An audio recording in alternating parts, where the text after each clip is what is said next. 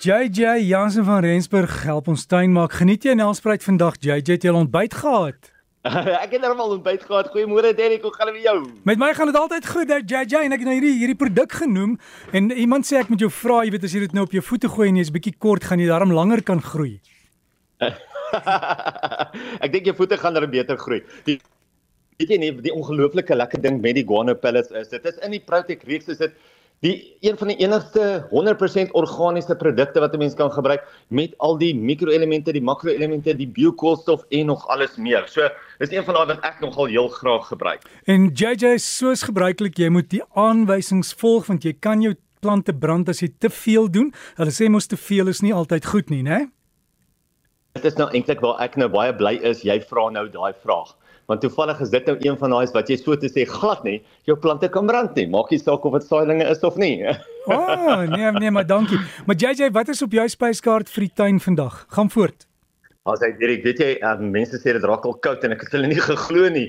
Ja die aande word al lekker koel. cool. So ek wou graag hierdie tyd gepraat net um, oor nuwe plantjies wat 'n mens nou kan plant vir die wintermaande of hoe 'n mens jou wintertuin kan voorberei. Maar ek dink kom ons praat volgende week daaroor.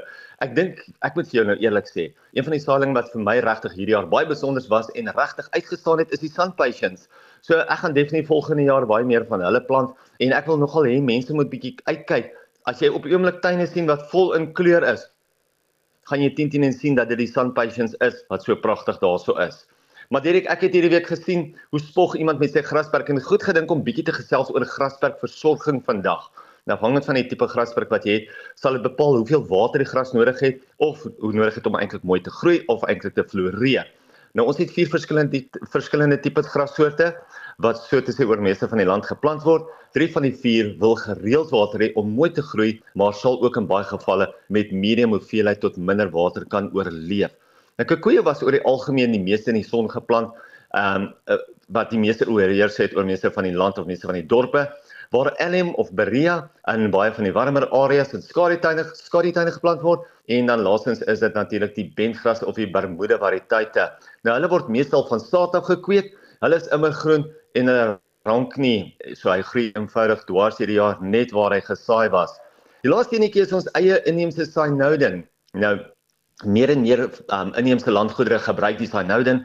Baie mense wat sukkel waar hulle um, gras probeer plant in baie warm areas, baie droog areas, plant gewoonlik hierdie cynodin. Hy is lekker droogtegehard. Hy kan lekker laag gesny word. Um maar dit is een van daai grasse wat 'n bietjie 'n uh, ligter groen is as die gewone koeie of die LM. Ons moet regtig begin kyk na die cynodins ook as ons 'n interessante gras wil hê dit is soos ek sê, dit is 'n eie inheemse gras. Snaaks genoeg, 'n paar jaar gelede het hulle gesê dat hulle van die synodens in sekere areas in die land eintlik as onkruid gaan verklaar omdat hy so sterk groei. So as jy sukkel met 'n grasperk, kan jou kan gaan probeer bietjie daai die synoden ook gaan vra vir hulle.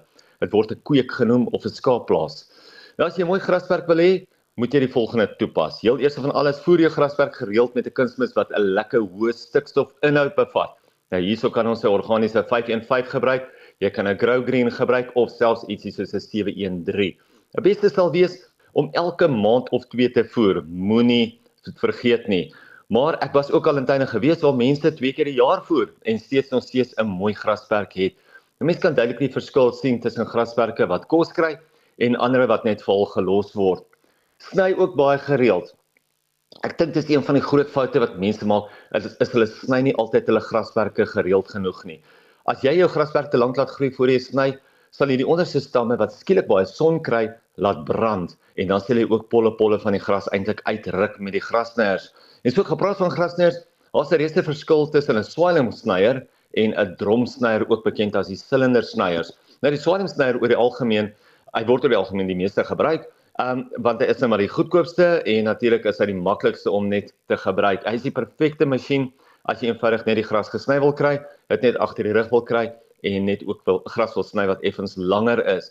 Die dromsnyer gee weer vir jou 'n baie meer professionele snit. Hy is 'n baie duurder snyer, ehm um, grasnyer, maar hy gee vir jou 'n baie baie mooier snit. En die groot rede hoekom golfbane en rolbane die dromsnyer verkies is omdat hierdie snyer eintlik die gras sny en dit nie fisies afkap soos wat die Swalem snyer doen nie. Onthou Swalem snyer met die spoed wat hy kap hy letterlik net die gras af. Die drie grootste insekplaae wat ons op die grasperke kry is Ehm um, nou gedurende Januarie tot Maart. Molkrieke so twee keer 'n jaar wat hulle ook bietjie aan mok maak en dan ja, dit is gewoonlik in die laat lente en dan natuurlik in die herfs ook en dan natuurlik ook die grasdraer termiete van laat somer tot en met herfs. Hulle is eintlik nou al klaar in die omtrek. Gaan kyk bietjie uit op jou grasperkie, jy sal sommer hierdie kolle kolle termiete sien. Dit teen teen molkrieke werk Imidor die beste. Um en teen die grasdraer termiete gebruik ek altyd die Termite stop of beveel ek dit altyd aan. Nou ongelukkig sien mense eers die skade lank nadat die insek al klaar daar was.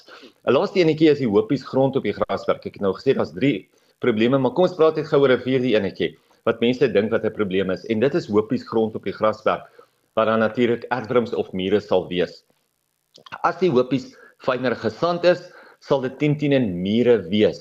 En as dit modderhopies is, is dit 10 teen in erwdrums wat weer 'n teken is van swak drenering op jou grasperk.